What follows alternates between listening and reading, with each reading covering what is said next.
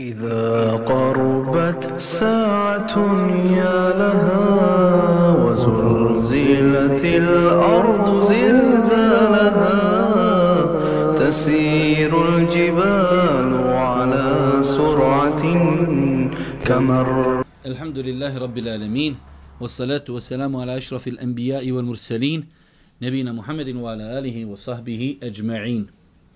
Rabbi šahli sadri wa jesir li emri vahlu nuqdata min lisani jefqahu qavli. Doista svaka zahvala pripada našim gospodaru Allahu subhanahu wa ta'ala salavat miri, selam na Allahu poslanika Allahu minenika Muhammeda alayhi salatu selam njegovu časnu porodcu uzorite ashabi i sve ljude koji slijede put istinu sudnjega dana.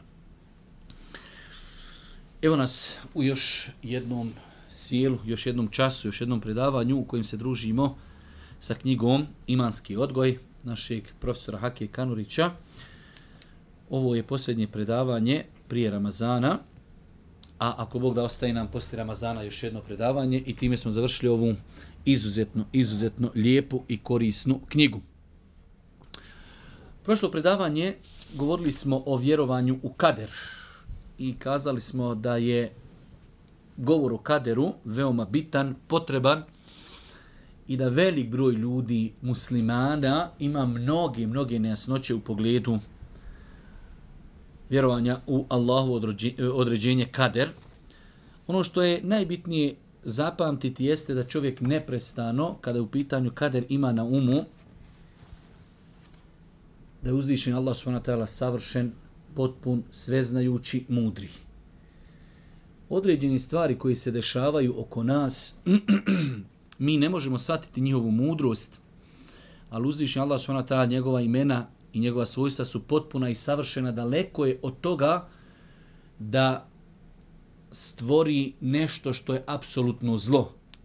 Već određena stvar iz određene percepcije i određenog pogleda može izgledati loša, ali znači na duže staze i iz pogleda drugačiji i različiti, ona u sebi nosi sigurno mnogo koristi. Vidjeli ste, prošli put smo spominjali kada čovjek, kada mu otkriju gangrenu, roditelj se raduje da doktor amputira nogu njegovom djetu. Iako kad bi nako rekli čuj amputira mu nogu i on se raduje. On se raduje zato što će na taj način spasiti život svome djetetu.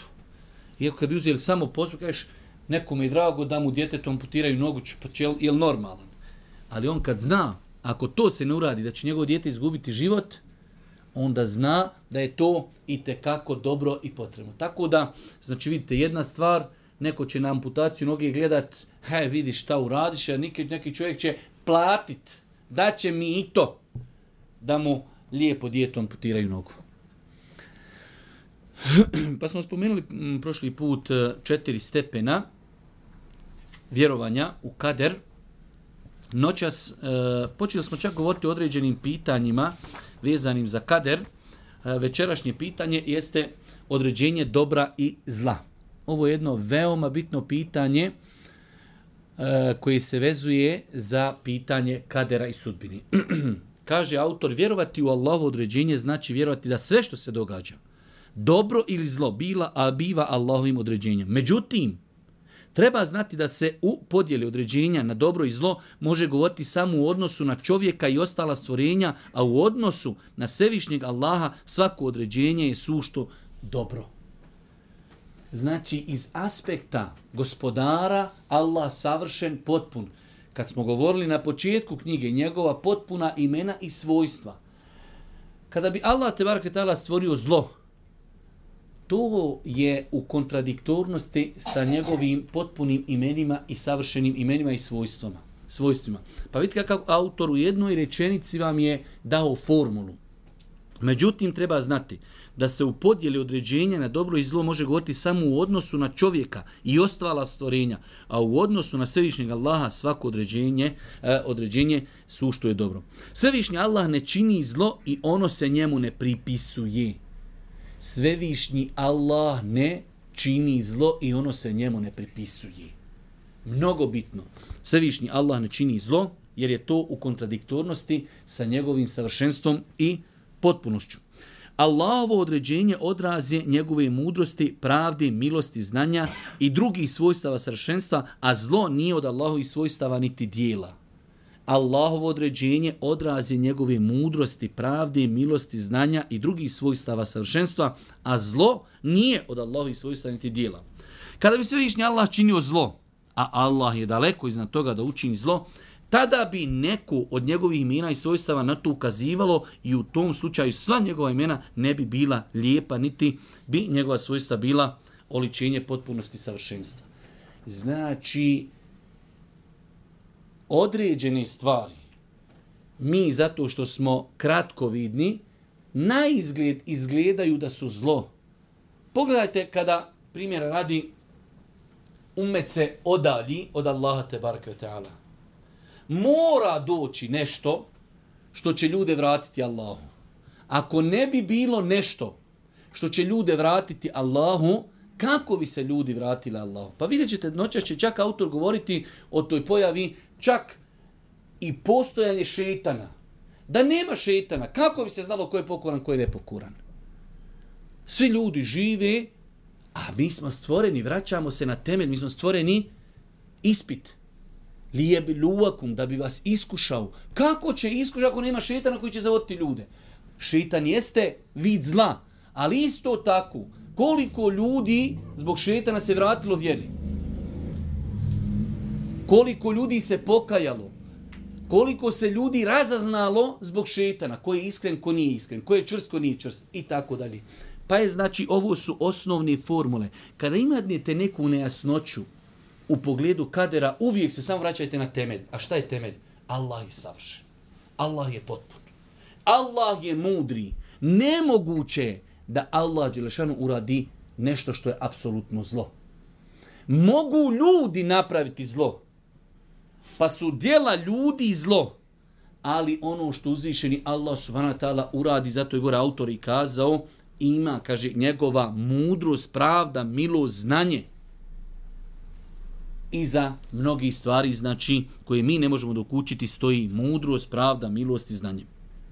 Kaže, Allahova lijepa imena apsolutno negiraju bilo kakvu mogućnost da se njemu pripiše neki oblik zla, nepravdi ili bilo čega lošeg. Pored toga, Svevišnji Allah stvoritelj je apsolutno svega. Stvorio je ljude i njihova djela, njihove pokrete i ono što govori. Poslušajte ovo pravilo. Svako zlo koje postoji dolazi od stvorenja i posljedica je njihovih dijela. Svako zlo ljudi napravi belaj. Ljudi jedni druge prevari, ljudi jedni druge ubiju, ljudi jedni i tako dalje. Pa su postupci ljudi zlo. A ljudi treba, Allah im zabranio da varaju, da, da zabranio da ne daje Bože bespravno ubijaju i tako dalje. Pa ovo je isto bitno. Svako zlo koje postoji dolazi od stvorenja i posljedice njihovih dijela. Svevišnji Allah nije odredio niti stvorio apsolutnu zlo u kojem nema nikakve koristi niti dobra po bilo kojoj osnovi, bez mudrosti i smisla. Nema nešto što bi rekli ovo je apsolutno zlo. Već imaju stvari koje mi ne možemo dokučiti. Prošli put smo navodili, e, mislim, u datom momentu nekada je nezgodno govoriti o određenim pitanjima, ali evo, alhamdulillah, bilo je šta je bilo, vidjeli ste one zemljotrese u Turskoj generalno insan kada pogleda, to je jedan veliki musibet, generalno. Ali koliko je ljudi, rekli smo, koji će zaraditi stepene šehida, koji nikad u životu to ne bi zaradili da nije bilo ti zemljotrisa. Imate ljudi koji on onako, da kajemo, bio potanak, možda ja, šaru, vako, nako, na ovaj način zaradio stepen šehida. Vjerujte da tog čovjeka sad podignete i upitate, Hadži, hoćeš ostati živit i nakubit biti ili ovo što si sad dobio? Nemoj, vrate, hurije, džennet, šehid, pa šta i nako sam bio potana kolizalo čoveć. Pitanje je, bili ja bio najzadnji na siraču prije. Da njega upitaš, vidio bi šta bi ti on rekao za ovaj zemljotris. A s druge strane, nama je tu ispit. Da vidimo hoćemo li pomoći, hoćemo se organizirati, hoćemo li dati i tako dalje. Hoćemo li se upita, a što je bilo? Da to nije zbog grijeha, da to, i tako dalje. Nama je ispit. A hoću kažem, e, ne može se određena stvar samo gledati iz jednog, e, srušilo se ljudi, ostalo je tima i tako dalje. Imate možda djece koji sad je tim, da je ostao u toj kući gdje, gdje, gdje su bili roditelji, možda bi bio najveći fađir na planeti, zbog svojih roditelja. A sad ostao jetim, pa Allah najbolje zna, možda će poslanik ali se nam bio jetim, pa će možda biti zbog toga prođe kroz život i mahova i grahova, ali će biti i pobožan i vjernik i tako dalje. Tako da stvari e, čovjek treba gledati iz različitih uglova. Zato kaže Svevišnji Allah nije odredio niti stvorio apsolutno zlo u kojem nema nikakve koristi niti dobra po bilo kojoj osnovi. Bez mudrosti i smisla. Njegova mudrost to ne dozvoljava. Nije moguće da Svevišnji Allah odredi nešto u čemu je apsolutno zlo i da u njegovom stvaranju nema bilo kakve koristi jednu te istu stvar s nekog aspe, e, aspekta ocijenit ćemo pozitivnom i dobrom, a s drugog negativnom i lošom. Kao na primjer, možemo navesti vjerom propisane kazne, poput kazne za odmazdu. Allah Đelšanu u Kur'anu kaže وَلَكُمْ فِي الْقِسَاسِ حَيَاتٌ U odmazdi je vama život. Kako odmazda ubiš čovjeka zato što ubio nekog i utomiti život? Kako život ubi smo čovjeka? Život je za one koji su ostali. Pa je u datom momentu, da kažemo, gubitak jednog insana, gubitak jednog insana, čovjek ubio nekoga, ubiti sad jednog čovjeka za njega, je gubitak jedne osobe koja sutra bi mogla imati porodcu, djecu tamo, ubijen je, ali koliko će drugi hiljada i stotinu hiljada biti ljudi sačuvano zbog njega?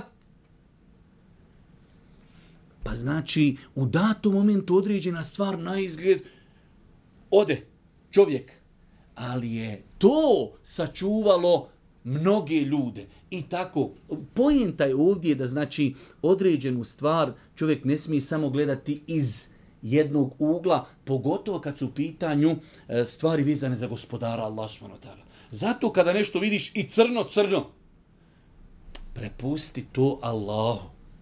Allah Đelešanu je mudar.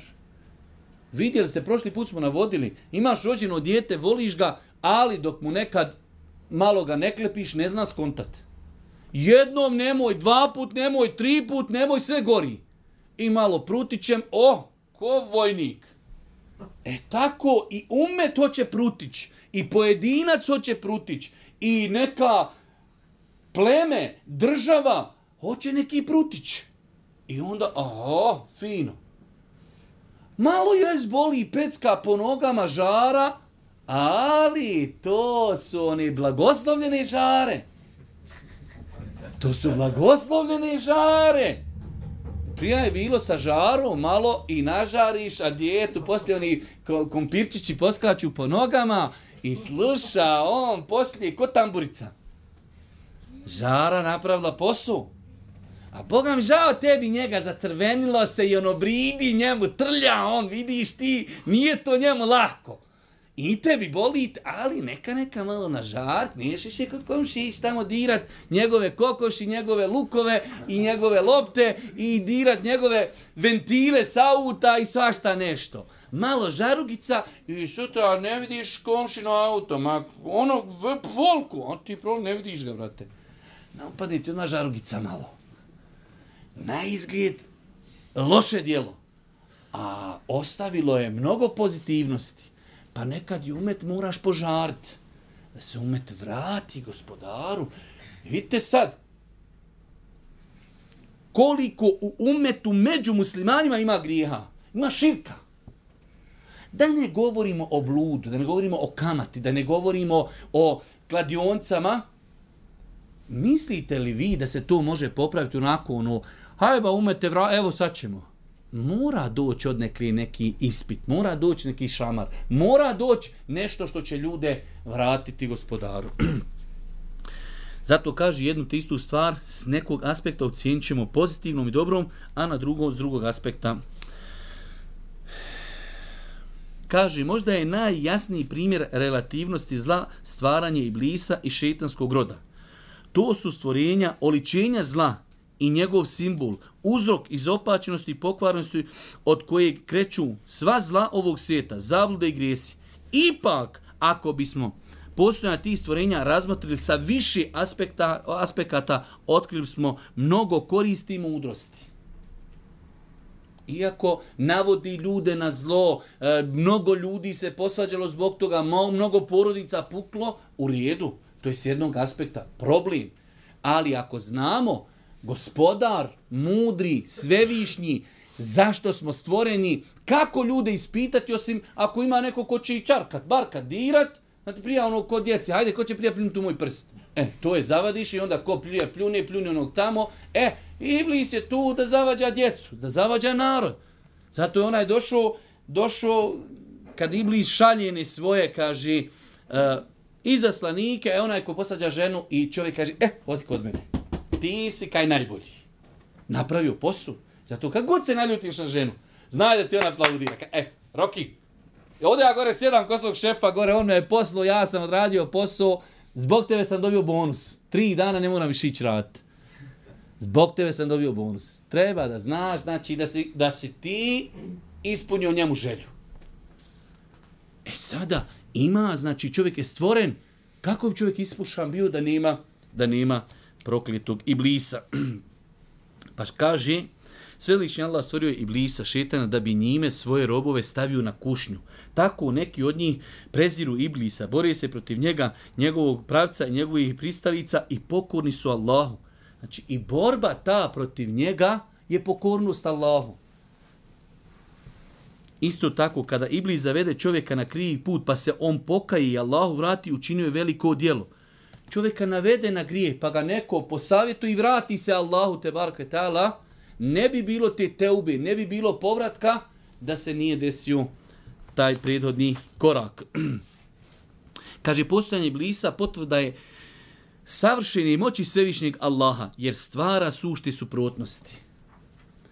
Pazite, to su zana, ali ovo, ovo, ovo me govorio Ibn Al-Qaim, ovo me govorio Ibn Tejmije, to su velike stvari, kako neko ne bi došao kada Allah stvorio samo meleke, ne pogre, stvorio ljud, ne. Evo ima i, i ova vrsta stvorena. Imaju i ljudi, imaju meleki, imaju džini, evo ima i iblis. Pa je to opet dokaz Allahove veličine, Allahove veličine prema njegovim stvorenjima.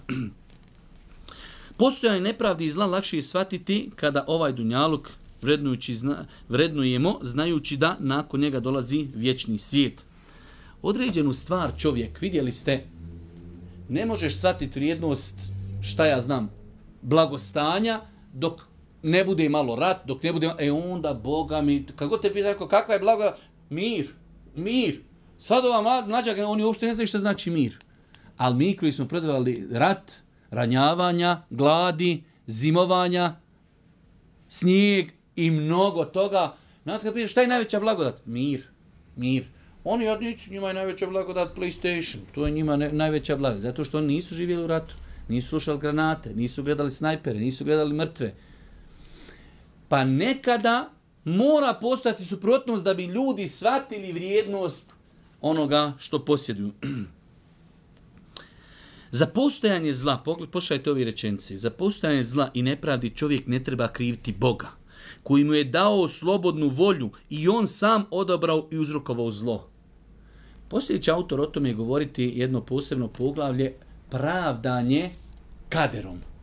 Ali evo u ovom ovdje kontekstu kaže za postojanje zla i nepravdi čovjek ne treba kriviti Boga koji mu je dao slobodnu volju i on sam odabrao, uzrokovao, je odabrao i uzrokovao zlo. Pogrešno je kriviti Boga za pogrešne izbore ljudi. Radi se o potvrdi slobodnog izbora. Pravo sloboda izbora zahtjeva da zlo bude moguće. Allah je stvorio ljude mora biti opcija imaš, znači zato što smo na ispitu, imaš dobro, imaš zlo. E pa neki će ljudi odabrati Boga mi zlo. E od tog zla će nastati, vidite kad se neko doja, dofati e, puške, kad se neko dofati e, presjednik velike državi. Znači koliko je ljudi ubijeno u drugom svjetskom ratu? Zbog moguće dvojice ljudi. Ili zbog jednog, divani, budali palo njemu nešto na pamet, to će onda cijelim svijetom vladao. Neće ljudi u suru i... Ko je kriv? Pa li kriv? Ali mu Allah ostaje mogućnost, možeš ti biti musliman, možeš biti pokoran, a imaš Boga vamo i jasle šetanove. I on odabrao šetanove jasle. I onda, jeli, ako se desi takav neki koji krenuo zlom, hoćemo mi tu kriviti gospodara? Lika kriv, krenuo on pogrešnim putem i na tom pogrešnom putu napravio nam belaje. Ko što mi sad? Mi zagađujemo sebi rijeke. Treba li sad kriv gospodara što se mi ne možemo ovdje dole kod vječnice i napiti vodi? Ma sebe krivimo. Što to što smo nekulturni, ne znamo baci smeće gdje treba. To jest, ali poremetili smo nešto. Tako i insan kad se ne ponaša kako mu gospodar naređuje, poremetit će nešto. I onda ko je kriv? Mi krivi. Ali smo imali slobodnu volju, imali smo dobro, imali smo zlo, pa smo izabrali loše. Bol, patnja i nedaća. Jedno malo, jedan mali podnaslov na 269. stranici. Kaži, cit, autor stavlja kao nečiju izjavu. Kako je moguće da svemogući plemeniti Bog stvori svijet sa toliko bola i patnje? Koliko puta se to čuli? Meni, vjerujte, dođu e-mail, vaše, šta je ovo, dokad više, e, sve na muslimane leti, gdje je gospodar, pa ima li plemenitog i tako dalje.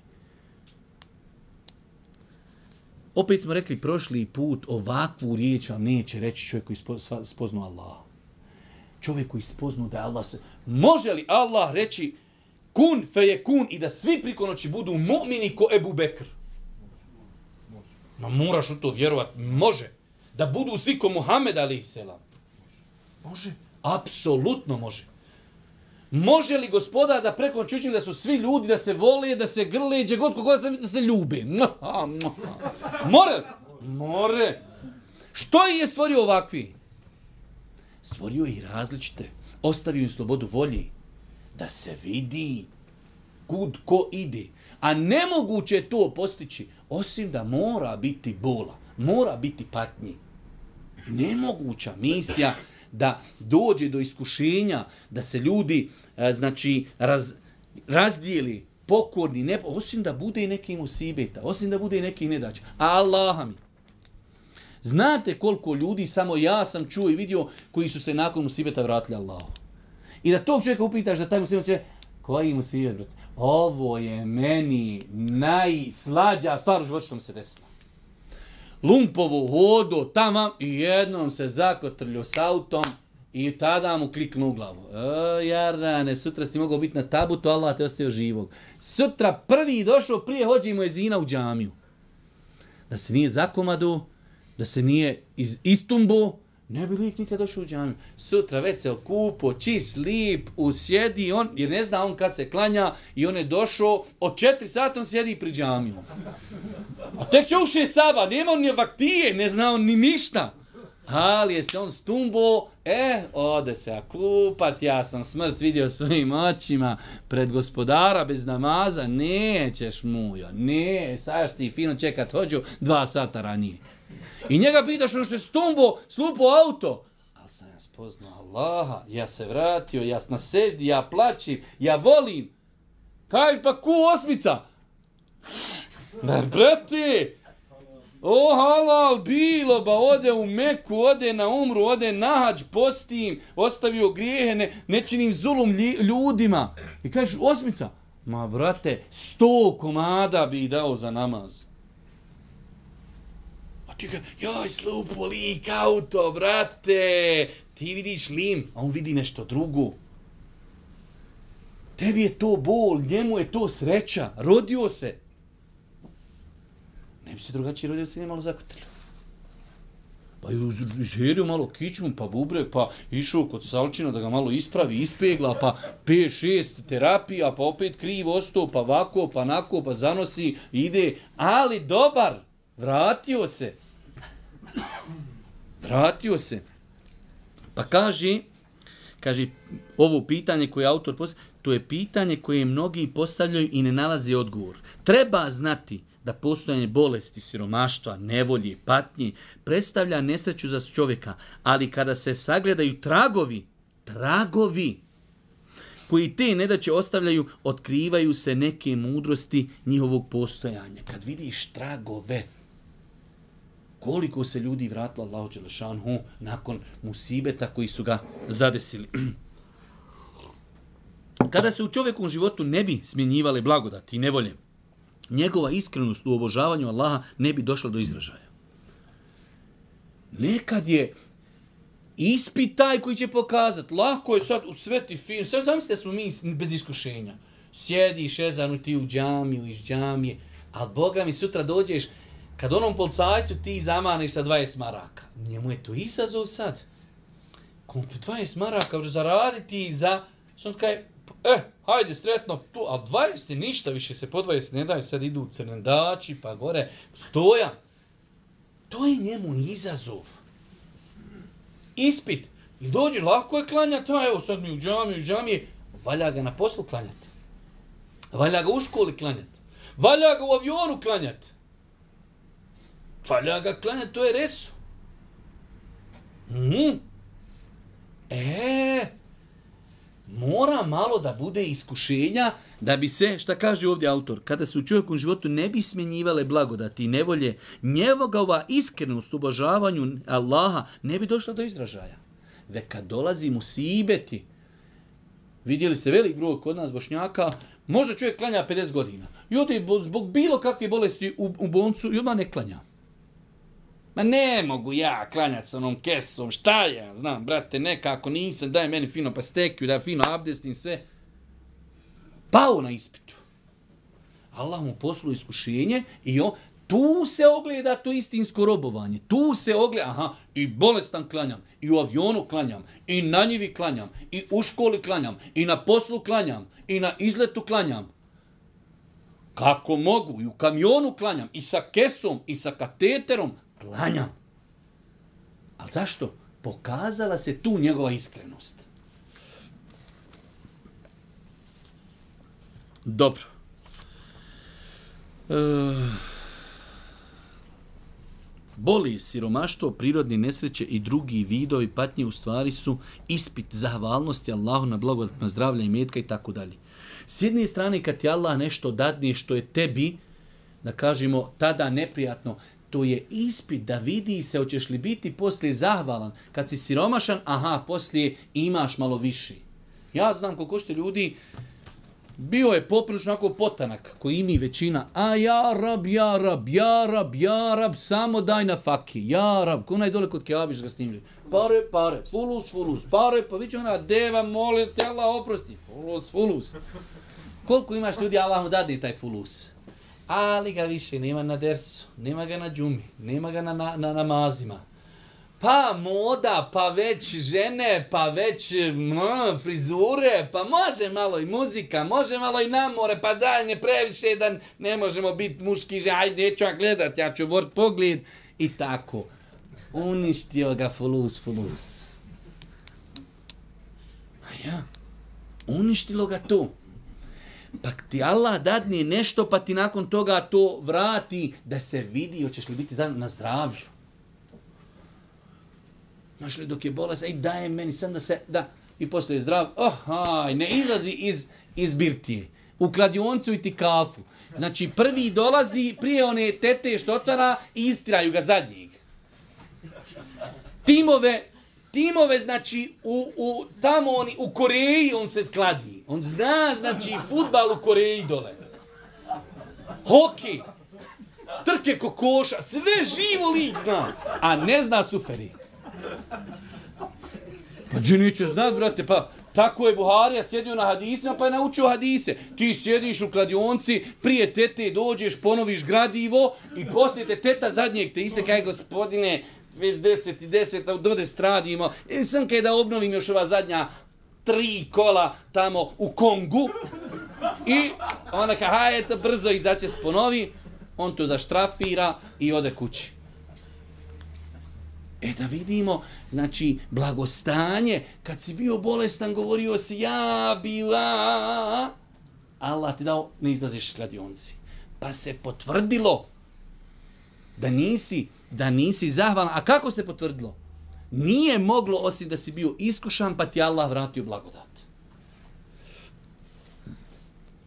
Kaže, u svemu što uzvišeni Allah čini postoji stanovita korist i mudrost, ali ne smijemo očekivati da će nam ljudi tu mudrost uvijek u svim situacijama biti, da će ta mudrost ljudima biti uvijek jasna. Mi smo ljudi, mo, to ne, mi imamo problem, meni je pravo teško pada. Ja možda nekad malo onaj i, i, i pff, reagujem kako, kad mi kaže za neki broj, a što je tako? Meni znači isto da mi kutnjak izadiš. Ona jedini koji nema blombi. Zdravo. što je? 95% propisa nije pojašnjeno što je. Imate možda 5% propisa u islamu je pojašnjeno što je. Što je? Zato što je gospodar naredio. Što je? Zato što je vjerodostan hadis. Mi bi sve nešto ko da mi dokučimo. I, ali nije to problem. Problem ako ti njemu eto i pokuša, nije mi to pojašnjenje leglo. Šta to znači? Pa to znači ti ja nešto propisa sine. Nema sine pojašnjenja. Na, nema. Šta je? Allah naredio. Što? Nema. Treba ljude učiti da nema pojašnjenja. Zato ćeš naš nikada sad nisu rekli zašto. Rečeno, Allah rekao, čovjek dolazi ashabima, kaže, ha, vi klanjate prema Betul Maktisu, ne znate se kivla promijenila. Ljudi upo namaza. Promijenilo. Odma upo na... Potpuno šerijetski bilo legalno, kažu, hajde, sklanjali smo sad i kindiju, akšan ćemo klanjati prema Mekke. Upola namaza. Jeli? Jest. Okreći se odmah. Bez ikakve filozofije. Kod nas, što se mušku djetu kolju dvije ovce, žensku jedna? I sad od toga nastane svađa na internetu, brate. Nije pojašnjeno zašto ba. Ulema je to pokušala onako dok učiti, ali ti to im kaže, ja se ne složim s time. Nemam ti šta je. Tako poslani kreku za muško, dvoje, za žensko, jedna. Jasno, jasno. Nije. Razguli.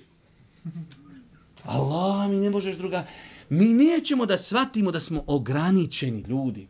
Ali to nije sramota. Tako nas gospodar stvorio. Pa zato autor ovdje kaže određene stvari se mogu desiti ljudima, ne mogu ljudi shvatiti mudrost toga. Možda će i nekad nakon deset godina shvatiti mudrost, neće. Možda nekad neće shvatiti, određene stvari neće shvatiti nikad. Ali uvijek se ra... s kime mi sarađujemo? Sa gospodarom. Sveznajući. Vidi. Vidi li gospodar šta se sad dešava u Palestini? Apsolutno vidi. Može li gospodar u stotom dijelu sekunde da riješi pitanje muslimana u Palestini? Apsolutno. Mora biti mudrost. Možemo li mi shvatiti ili ne možemo? To je druga stvar. I zato je pogrešno opterećavati se šta je, zašto. Nakon toga kaže Allahu određenje i slobodna volja. Znači, jedno od mnogo bitnih pitanja koje se vezuje za kader jeste činjenica da čovjek Allah ga je stvorio da ima slobodnu volju. I bio bi zulum, a Allah je čisto zulma, zato kaže u onom hadisu, kudsju, inni haram to vulme ala nefsi, وَجَعَلْتُهُ بَيْنَكُمْ مُحَرَّنًا فَلَا تَظَلْ Ja sam, kaže, sebi zulum zabranio. I činim ga vama zabranjenim, između se nemojte jednim drugima zulum činiti. Bio bi zulum da ti dođe gospodar i kaže, vidi, ti si bio ko robot. Moraš ići u birtiju, jer nisi imao slobodno. I onda nas e što si, Haso, išao u birtiju? Allah mi, je to toliko teško shvatiti? I zato ćemo vidjeti i neispravan čovjek je, znaš šta, ma meni je to tako, Allah, odri, ja ne klanjam, meni je to... Ložiš. Kad ljudi kažu, nemojte to rad, ali vako je najbolje pojasniti. Kad ti neko počne se pravdat kaderom, da mu šamar zvizniš. Kad rekli šta je, ovo ti je bilo propisano, nije te moglo maši, i onda ga, opet ga kreni, a što me udari? Brate, kader, ovo sve idemo po kaderu. Pa slomi ti haso mene, vidi ništa od mene, po kaderu, brate, ovo kader ide, vjeruj mi, polom ćemo te danas. De nemoj mi više kader pojašnjavati, sve mi je sad jasno postalo. Kad ti čovjek kaže, Što nisi kaj išao, ba kaj meni je tako određeno. E, evo imam i ja nešto sad ti je određeno. Tu. Ali ti čovjek, ne možeš se ljutri, jara, ovo ti ko što ti je bilo određeno da ne ideš u džamiju i ovo ti je bilo određeno. Imaš slobodno, ko što ja mogu kontrolisati ruku, ti udarim ili ne, i ti kad uči ezan, imaš svoj mešćid u kojem su i ti kafu, kladionci, imaš drugi islamski mešćid. Pa se ti odabro, onaj će te šetan po guru. Pa je slobodna volja, ključ isto razumijevanja kadera. Pa kaže, svevišnji Allah odredio je sve što će se zbiti. Veliko i malo. Zapisan je svaki detalj. Ono što ćemo, ćemo učiniti i što nećemo učiniti. Pored toga, čovjek ima slobodnu volju i sam odabire koji će dijelo činiti, a koji neće. Imate u Kur'anu na više mjesta, znači, gdje Allah Đelšanu jasno potvrđuje da čovjek ima mogu i ne treba na kraju kraju to vejali, imate u Kur'anu, ali mi to vidimo. Je li neko ovdje sad noćas došao što ga je neko natjerao? Nije, došao, palio svoje auto, dobrovoljno došao. Koliko je drugi koji su ošli možda negdje drugo i tako dalje. Pa čovjek ima slobodnu volju. Prošli put smo govorili o Allahovom znanju. Allah Žešanu, čovjek je stao, hoće li desno ili lijevo. Gdje god da odaberi, Allah zna da će on odabrati to. I to je zapis, Ali te niko nije natjerao da to uradiš. Pa ko hoće neka vjeruje, ako hoće neka ne vjeruje. Da neko ne pomisli da je ovdje dozvoljeno ne vjerovati. Ovo je samo dokaz da čovjek ima slobodnu volju. Femen šajfel umin, uomen šafe li ekfur. Ovo nikako ne znači odobrenje da se ne vjeruje, vego ovaj ajet je u kontekstu govora da imaš slobodnu volju. A nikako, pa do, evo, Allah Žešan kao mora se biti nevjernik. Ne. Imamo ajete gdje se jasno naređuje vjerovanje. Već se ovdje govori u kontekstu imaš slobodnu volju, možeš odabrati da vjeruješ, možeš da odabereš da ne vjeruješ. Svaki čovjek svjestan je i vrlo dobro zna da sam odabiri hoće li neko djelo učiniti ili ne. Osjeća i ubjeđen da ni na koji način nije prisiljen da učini neko djelo ili pak ne učini. Ima slobodan izbor i sam odabir na koji način će postupiti.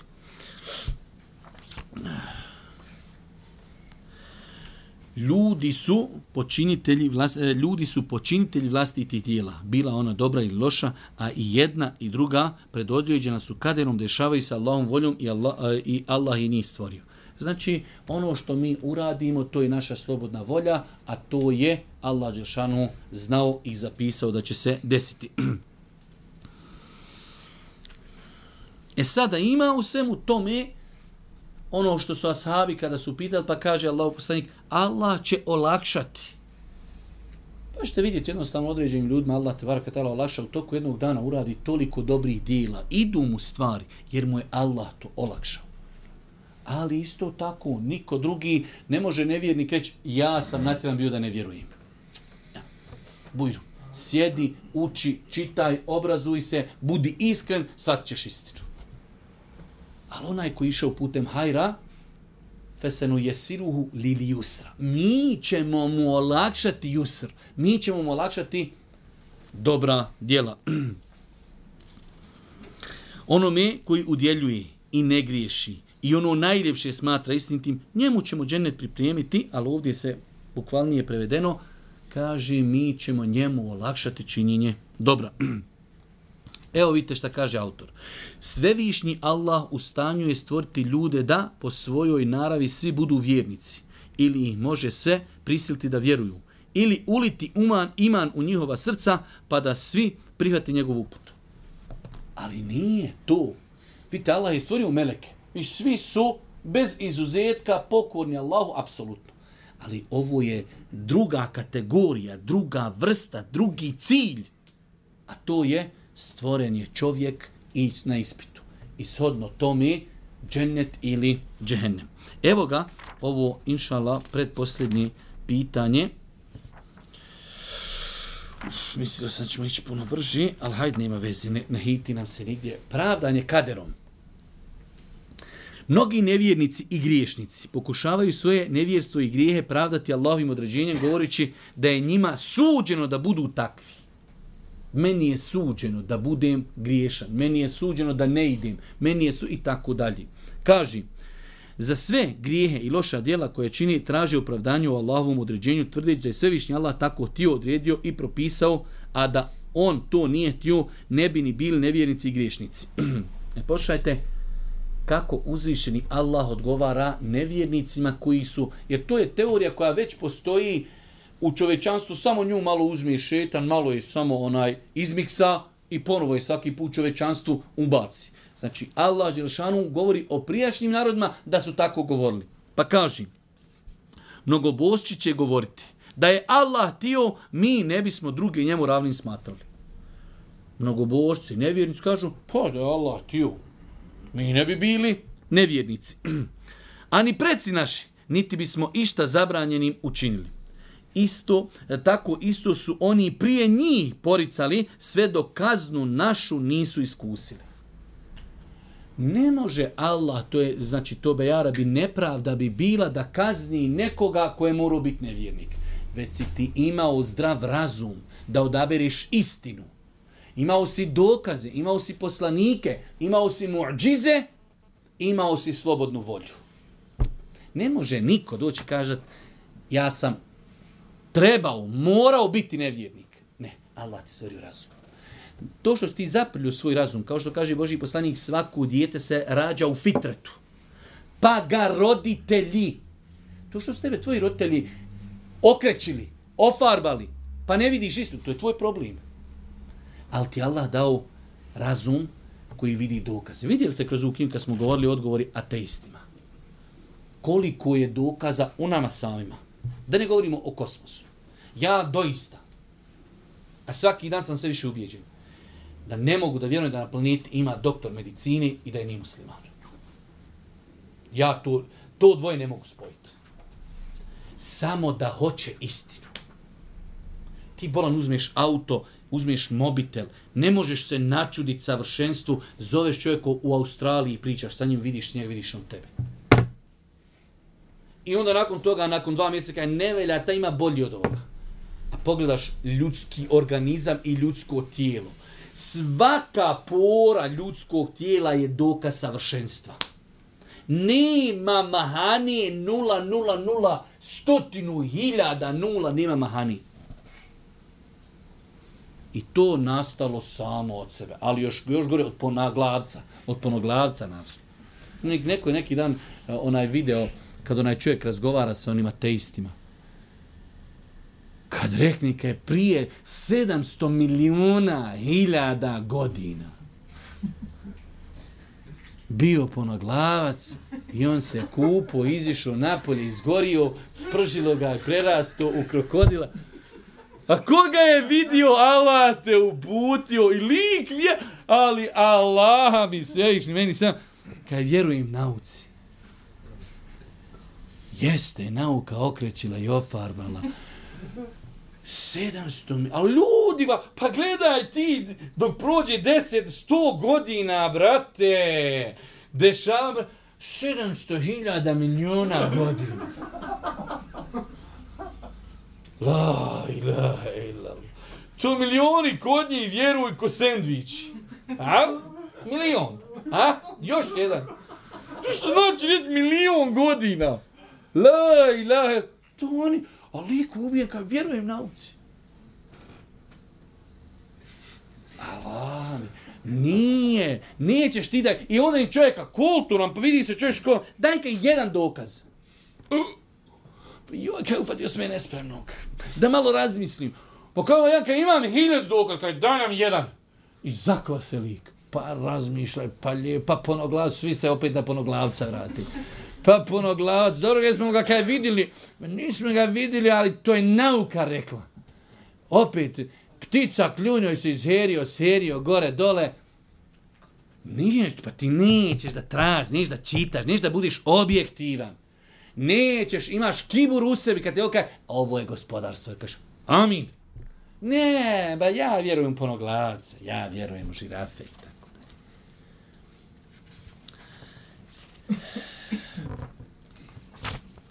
Allah subhanahu wa ta'ala je savršen, milostiv, potpun, pravedan, mudar. Neće čovjeka kazniti ako je čovjek bio prisiljen da određeno djelo određeno dijelo uradi. e kaže, sad autor nakon što je citirao ovaj ajet, kaže, e, imaju tu veoma bitne dvije činjenice. Prva činjenica, svevišnji Allah priješnje nevjernike kaznio žestokom kaznom, da oni nisu imali slobod, slobodu izbora u činjenju svojih zlih dijela i nevjesta, oni ih ne bi kaznio. Allah kaže, oni su govorili da Allah je htio, mi ne bi bili nevjernici. Pa Allah kaže, pa ih Allah kaznio. Allahova pravda je suprotna tome da kazni nekoga. Ako vi kažete, ljudi nemaju slobodnu volju, gdje će Allah, Đelšanu, stvoritelj zemlje i nebesa, apsolutna pravda, da kazni ljude, a ljudi bili roboti. Druga stvar, onaj koji svoje nevjerovanje i grijehe pravda kaderom u središnjem Allahu govori bez ikakva znanja i osnova. Kako će se vjernik i griješnik pravdati kaderom kad je Allahovo određenje prije nego što se desi iskriveno, nikoga ne zna osim Allah. E ovo, ovdje vam sam trebao reći onaj za najšamar. Kad čovjek meni je sud, a gdje si to ti roki pročito je tebi suđeno? Evo, ko što ti kaj, tebi je suđeno, meni je suđeno da ja ne klanjam. Ja, ti klanjam, tebi je suđeno, ti klanjaš sine. Nije, vas kontajte, Šek je uzo, igra s tobom tenisa, dvojica sjeli, šutaju te ko lopticu. Lijevo, desno, lijevo, desno i ti, nako, ko ta loptica za, za se i šta mi je? Pa meni je bilo suđeno. Evo, ja tkajim tebi suđeno, klanjaš. Isto ti bio iznad levih i mahfuza, aha, so ne klanja. Ha, so ba nisi što lažeš, pa vidiš da ti šeki da šaptava. Imaš slobodnu volju, hasa, što ne ideš kad uči jezan? Mrsko ti ba, reci da ti je mrsko. Ništa drugo. Pa kaži, e, nemoguće da se čovjek pravda kaderom, a nije taj kader vidio. Već je to ljenost, već je to neisk, već je to kibur, već je to oholost. Kaže autor na 275. Kada bismo pravdanje kaderom hipotetički prihvatili za moguće, to bi značilo da svako može rati zlodjela koja mu naumpadnu, a pritom sve svoje postupke pravdati kaderom. Ako otvoriš ova vrata, šta god kure, kader, ukrup, kader, ubio, pa, pa kader. Brate, ti si, ti si uh, imao slobodnu volju da to uradiš ili ne. Kad smo počeli deset, ko zna? 46. Dobro, ajde još ćemo inšala ove dvije stvari završiti. Kaže autor jedna interesantna stvar. Čovjek koji se marljivo trudi da postigne cilj koji je sebi postavio na ovom svijetu, na tom putu ustrajava sve dok cilj ne ostvari i ne pomišlja da odustane govoreći ako bude suđeno i tako dalje. Vidite kako je autor fino i pravi. Kaže što Rokiju koji kaj ja ne klanjam jer mi je suđeno. E dobro, Roki, Što to isto ne rekneš u dunjalučkim stvarima?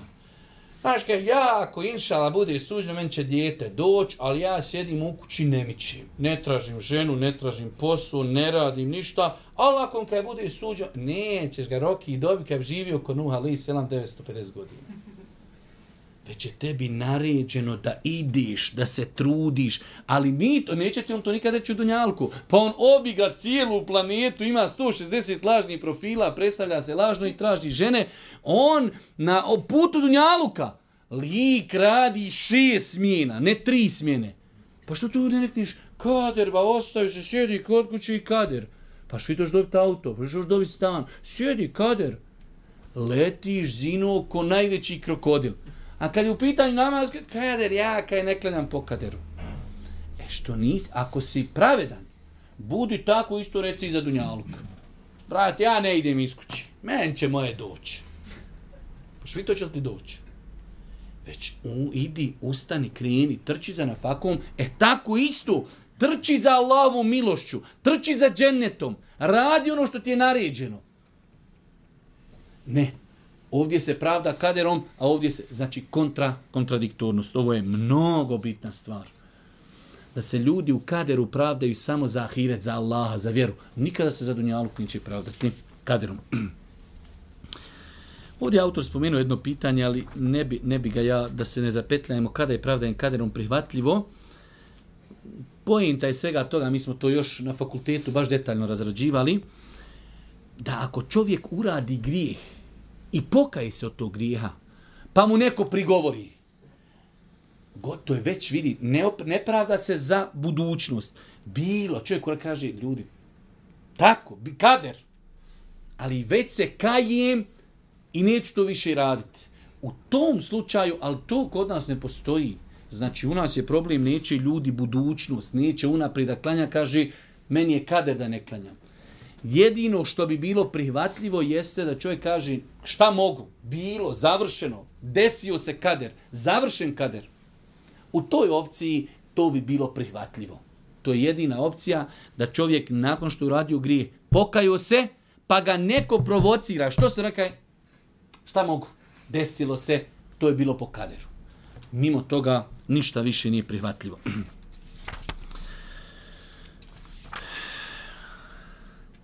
Ovo je sad ova druga tema koju smo malo prije spomenuli, ulaganje truda. Sjediš kod kuće i kažeš kader i čekam kader, da se udam, da se oženim, da postanem milioner i sjediš kod kuće. Sastavni dio ehli sunnetskog vjerovanja jeste oslanjam se na gospodara i poduzimam sve što je u mojoj mogućnosti. Sve što je halal. Radim, trčim, školujem se, ulažim, investiram, rizikujem, nakon toga, nakon toga očekujem rezultate. Pa kaže, vjerovanje u Allahu određenje ulaganje truda. Imamo s jedne strane kader, imamo s druge strane trud da uradimo ono za što mislimo da je dobro. Ispravno poimanje Allahovog određenja nikako ne dozvoljava za postavljanje, djelovanje, truda i poduzimanje uzroka na putu postizanja određenog cilja. Nikako. To dvoje nikako. Može čovjek reći, kader mi je i ja ne. Ne radit, trudit se, ali u granicama islama, u granicama šerijata, nemoj čin zulum, nemoj nepravdu, nemoj ostaviti ono što ti je naređeno i da bi ostvario cilj. Hoćeš da se oženiš, moraš ići tražiti ženu. Hoćeš da se zaposliš, moraš ići kucat na vrata. Hoćeš postati milionir, moraš investirati. Poduzimanje onoga što je u tvojoj mogućnosti. Svevišnji Allah naredio je da se trudimo i da poduzimamo sve uzroke koje vodi uspjehu i njegovom zadovoljstvu, Kao što je, na primjer, naredio obavljanje namaza, davanje zakijata, post mjeseca Ramazana, obavljanje hađa, dobročinstva prema roditeljima. Allahu poslanik najčešće je vjerovao u kader, ali nikada nije zapostavljao uzroke. Boži poslanik kada je činio hijđru iz Mekke u Medinu, poslanik, oslonjam se na Allaha i upodana iz Mekke za Medinu. Ne, otišao noću, otišao u kontrapravcu, Medina ovako on otišao pećinu Theur u kontrapravcu. Sakriju se tri dana u pećinu. I kad su oni došli, e tu više ne mogu ništa. Tu kaš, gospodar, tebi prepuštam situaciju. I opet nakon toga, vandrednim putevima, sa najboljim poznavaocem puta do Medine.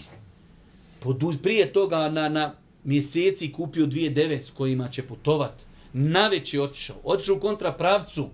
Tri dana se sakriju, zna, tri dana to je neka, da kažemo, žiža, potražnje nakon tri dana već ljudima dosadilo. Poduzeo sve moguće faktore i onda se oslono na uzvišnog Allah s.w.t. To je ispravno razumijevanje i rezonovanje kadera. Zato evo ovdje navodi autor onu predaju. To je jedan idealan odgovor Omera radijallahu kada je krenuo prema Šamu, Pa mu došla dole vijest, poznato je za vrijeme Omera da je bila ona velika dole kuga u Šamu, od koje je pomrlo mnogo, mnogo ljudi i mnogo ashaba. Pa kada je dobio vijest, ima ono poznato kako se on konsultovao sa jednima, pa sa drugima, pa sa trećima i donio odluku da će se vrati nazad. Poslije je došao Abdurrahman ibn Auf, kaže Boži poslanik je to rekao, on već donio odluku da će se vratiti. Abdurrahman ibn Auf poslije je došao, šta je bilo tako? Pa kada ja o tom imam hadis, šta je hadis? Poslanik kaže kada čujete da u nekoj zemlji ima kuga, vi izvan te zemlji, ne idite unutra? A ako ste unutra, ne izlazite, se ne širi, kome bude suđen, on će umrijeti, ko ostane živ, ostoji živ. Pa dolazi Ebu Ubejde, poznati ashab, kaže, Omere, jel to bježiš od kadera? Kaže da je to neko drugi, rekao, ne, to ti nisi na tom, ti si morao to znati. Mi, kaže, bježimo od kadera u kader. Jest, kader, ali čuvaj se, vidiš da je dole bolest, ne idi u ali mi ode smo u drugi kader koji nas tamo čeka. Možda ćemo tamo gore proći. Ali poduzmi faktor, ako vidim dole da gori, neće ja na glavu u vatru, pa je šta je, ako bude suđeno, neće mene vatra, ću viko Ibrahim, ali i selam. Ne može. Šmrk gasi i onda spavaj tu ali valjat se povati pa te ne sprži glumit nekog ramba, e ne može Boga. Vek fino vidiš vatra gori na drugu stranu i to je to. Pa je to pravilo kadera. Vidim da se nešto dešava. Čuvam se, poduzimam faktore. A nakon toga oslanjam se na uzvišenog Allaha subhanahu wa ta'ala. Evo za kraj autor je pisao malo duže, ali eto, u svakom slučaju, preletit ćemo samo onaj po naslovima Ucija vjerovanja u Allahu određenja život muslimana. Definitivno, mi smo prošli put o tome malo govorili, iako nisam znao, nekako mi je bilo logično da se o ovome govori na početku, ali evo, autor je to prolongirao za kraj, e, da vjerovanje u Allahu subhanahu wa ta'ala odredbu i kader, ispravno vjerovanje, nosi za čovjeka i po čovjeka i po njegov život, njegovu psihu, mnoge, mnoge koristi. Zato ćete vidjeti, bez imalo pretjerivanja, ovo nikako ne znači opravdanje. Pogledajte dole islamski umet, dole najmanji procenat samoubistava je u, u, u svijetu gdje žive muslimani. A najsiromašniji, najnepismeniji, gladni, žedni, bosi, Ovi gore opet zapad, ne vjeruju u Boga, ne vjeruju u kader. Sve živo imaju. Došli do, do, do, do, do, do vrhunca. Auta, jate, sve živo. Malo, malo, uh, ovisio se. Malo, malo skočio. Malo, malo dosadno. Milijarder lik ubio se. No, sve da se neko podnaj, bijeda, šta do sa... milijarde! Ni, nema. Zašto? Ne vjeruje, ne zna nema sigurnosti, nema zadovoljstva, nema sreći. Ovo nikako ne znači opravdanje onoga u čemu su muslimani, ali govorimo samo činjenično stanje. Kaže, vjerovanje u Allahu određenje jedan je od temelja imana i sastavni dio islamske doktrine bez kojeg vjerovanje nije ispravno.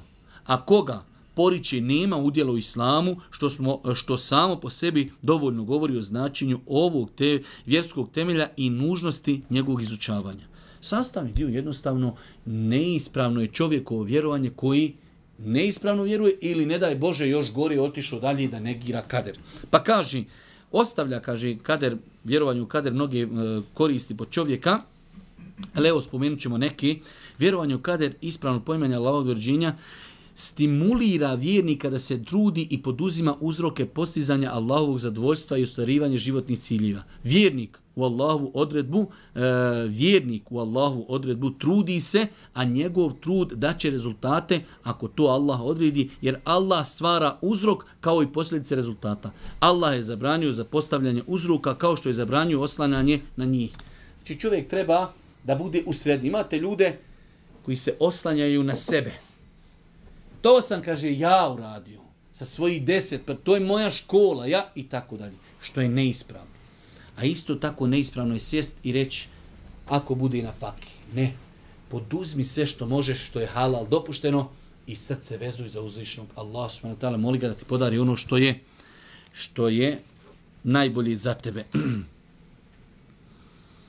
Kaže dole komenta, eh, citat na dnu strance Ibn Abul Iz, u Tahavijskoj akidi kaže neki ljudi misle da oslanjanje na Allaha isključuje rad na sticanju zaradi i korištenja e, sredstvima te da ako su stvari e, ako su stvari sudbinski određene sa sredstvima nema potrebi, što je pogrešno. Što je pogrešno naime neke aktivnosti su stroga obaveza farz i tako dalje.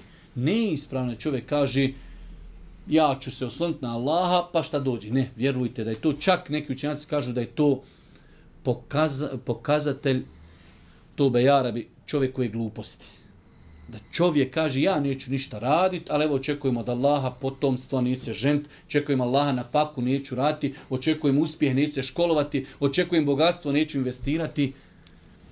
To ostaje vjeru, upitaš trojicu ljudi polupjani na cesti, ili to more? Ma ne mere, brate, moj drag, kamo li upakiva to u celofan vjeri? Kaže, vjerovanje u Allahu odredbu čini čovjeka zadovoljnim i smirenim. Naime, čovjek je stvoren sa velikom željom za životom i užicima koje, e, koje pruža, nastoji sebi pribaviti korist, a prezije kada ga snađu ne daće i bol. Voli kada ostvari kako dobro i tako dalje. Nakon toga e, citira Adis argumente koji govori o tome vjernik podzuje sve što je mogao, čuvao je se zla, pokušaje postići dobro i onda ga zadesi nešto, on je zadovoljan oslonuo se na uzvišnog Allaha, vjeruje u Allaha, vjeruje u njegovu mudrost, vjeruje u njegovu savršenost, sretan, zadovoljan, smiren. Kaže dole na kraju stranice, jedan interesantan citat, čovjek se može sačuvati čovjek se može sačuvati oholosti i arogancije kada je u blagostanju i može se sačuvati tuge i jedikovanja kada ga snađu, eh, kada ga snađu nedeđe samo ako čvrsto vjeruju Allahu odredbu. Subhanallah, ovo je mnogo jaka rečenca. U blagostanju se treba čuvati čega? Arogancije. A u musibetima prekomjernog jadikovanja, tugovanja, čime se može što sačuvati? Vjerovanjem u kader i vjerovanjem u Allahu subhanahu wa ta'ala određenje. Vjerovanje u Allahu određenje lijeke protiv brojnih bolesti koje haraju zajednicom i siju zlobu među ljudima. Naj, najpogubniji od tih bolesti jesu zavist i ljubomora. Insan koji vjeruje ispravno u kader, vjeruje ispravno u odredbu, zavist. Zato su islamski učinjaci kada govori o pogubnosti zavidna, za, zavidnika rekli zavidnik indirektno kaže protivim se Allahovoj odredbi. Ako imaš čovjeka, komšija od njega u nečemu uspješniji i tebi se u srcu, u, u dole ovdje, u, u želucu, bravo, okreće ti se nešto kad on sa autom prođe pored tebe. Nešto ti proradi dole malo brže, odmah imaš cirkulaciju. Kao da kaj, a gospodaru, što si hasi dao više nego meni? Protiviš se Allahovoj odredbi. Bolan, taj Haso možda ima malo bolje od tebe auto, ali možda čupa kosu cijelu noć, ima problema sa dicom. A u tebe dica ko, ko, ko bombone. Možda ima problema sa ženom. Možda ga torturiše poslovođa, čovjek hoće da se obisi. A on jadnik ima tog golfa šestcu, te peca i tebi malo zbog toga cirkulacija. Znači, kamenje iz bubrega izbacuješ ko, ko topom. Proradila ti cirkulacija. Zato što on voza malo bolje auto kao, gospod, što si hasi da uvliko? Zato vjernik. Imaš, elhamdulillah, ti Allah podari, berić. Nemaš, molim, Allah ti podari. Tako vjernik. Ne daješ ba iz džepa. Ni gospodar njegove riznice neprisušne. Elhamdulillah, imaš, mašallah. Ona ima, u krug, kaže. E, pa otkud u krug, u 100%. U nas, vjerujte, u 95% slučajeva, kad vidimo bogatog čovjeka, prvo što pada na pamet, otkri, ukru. Nema u nas opcije čovjek zaradio. Ima ljudi koji su ukrali 100%, ali ima ljudi koji su to čestito svaku marku zaradili. I zato, znači, vjerovanje u kader, odredu, čuvate bolan zavisti, ljubomori. Elham, meni Allah liku dao. Elham, možda da mi dadne više, Allah mi bio možda gori od faraona. Alhamdulillah. Pa insan treba, znači, e, da vjeruje Allahu subhanahu wa ta'ala odredbu i time će znači postići mnogi koristi. Vjerovanje u Allahovo određenje uljeva hrabrost u srce vjernika u suočavanju sa teškim situacijama. Vidjeli ste Halid ibn Velid radi Allahu ta'ala kad umire kaže kao što navode mnogi koji su pisali o njemu ja kaže ovdje umirem na postelji kao što umire stara deva a na mom, kaže, tijelu nema pedalj. Evo ovako sad kažeš, a kada ga nešto nije zarezalo. Se nije koplje zabilo, sablja, mač, sablja, mač, koplje i sav izreše tamo. A kada evo me umirim ovdje kod deva. A išao sam tamo gdje se gini. Znači, po našim nekim ono, pravilima, Halid je trebao minimalno 60 puta poginuti. A on na kraju umire na postelji. Vojskovođa, prvi, uvijek je sva, Izrezan znači, brate, on sam kaj svaki pedalj nešto ga zabolo. Živost. To je kader. I mi, ljudi koji su živjeli ovdje rad, znaju šta je kad čovjeka pogodi snajper, ovdje mu uđe metak, ovdje iziđe. I čovjek ništa, samo ovdje stavi malo flastera, malo ovdje i ode sutra opet na liniju. Kako je dobar siba. Ima ljudi, pogodi ga u, u but. Ho, inficiralo se ba, dva dana, kaže sutra hasiđe naza. A Gelerčić, brate, lišni, neđe tamo, ne, ovoga u čelo pogodio i vamo išao doktor kad snimi i kaže ko da je vaku prošao, ne da ide pravo, vaku da se provuko tebi kroz glavu izišao tam, ništa ti još te nije. Milion puta te gađa, ne te tako pogodio. To pogodi ga frajer sa dva kilometra. I pogodi da mu ništa ne ošteti. Drugi, znači, ja znam slučajeva, nama su pričali, iza brda sakrio se, ošu u WC, u WC ovoga pogodi. I sam se zavali, tu pored hali. Vjerujte, nama su pričali, tamo ti s kojima smo mi ratovali poslije rata, u nas tako baš bilo, oni gore ovako na jednoj liniji, tamo je sve, kaj mi odemo dole, brate, odemo u WC, samo odnekli, kažu, ču, No se kaj dole trlja, kud klijega, kuda ste kaj satelite imali? Ma, Dunjalučki gled nemoguće da ga pogodi. Lik ošao iza kose, sakrio se 300 metara, čoveče. Kada vodnik je sam kaj, tu, on se dođe kod trljaka. Če, šta, kako? Ono ga pogodi u čelo, brate moj dragi. Čovjek ošao, vjerujte, ošao u WC 120 kad mu pala među noge. I nije eksplodirala. Ostao lik živ. pa da je, da mu je pukla, pa odlete mu komadići do, do Marsa. Ostao čovjek živ. Jednostavno bila na faka njego da ostane živ i završena stvar. Pa kaže vjerovanje u kader čovjeka čini hrabrim. Jednostavno zna da ono što, što mu je propisano doće, ono što, što mu nije propisano, to će ga zaobaći sigurno. Allah subhanahu wa ta'ala molimo da nas uči na putu istini. Na kraju subhanak Allahumma wa bihamdika ashhadu an la ilaha illa anta astaghfiruka wa atubu ilayk.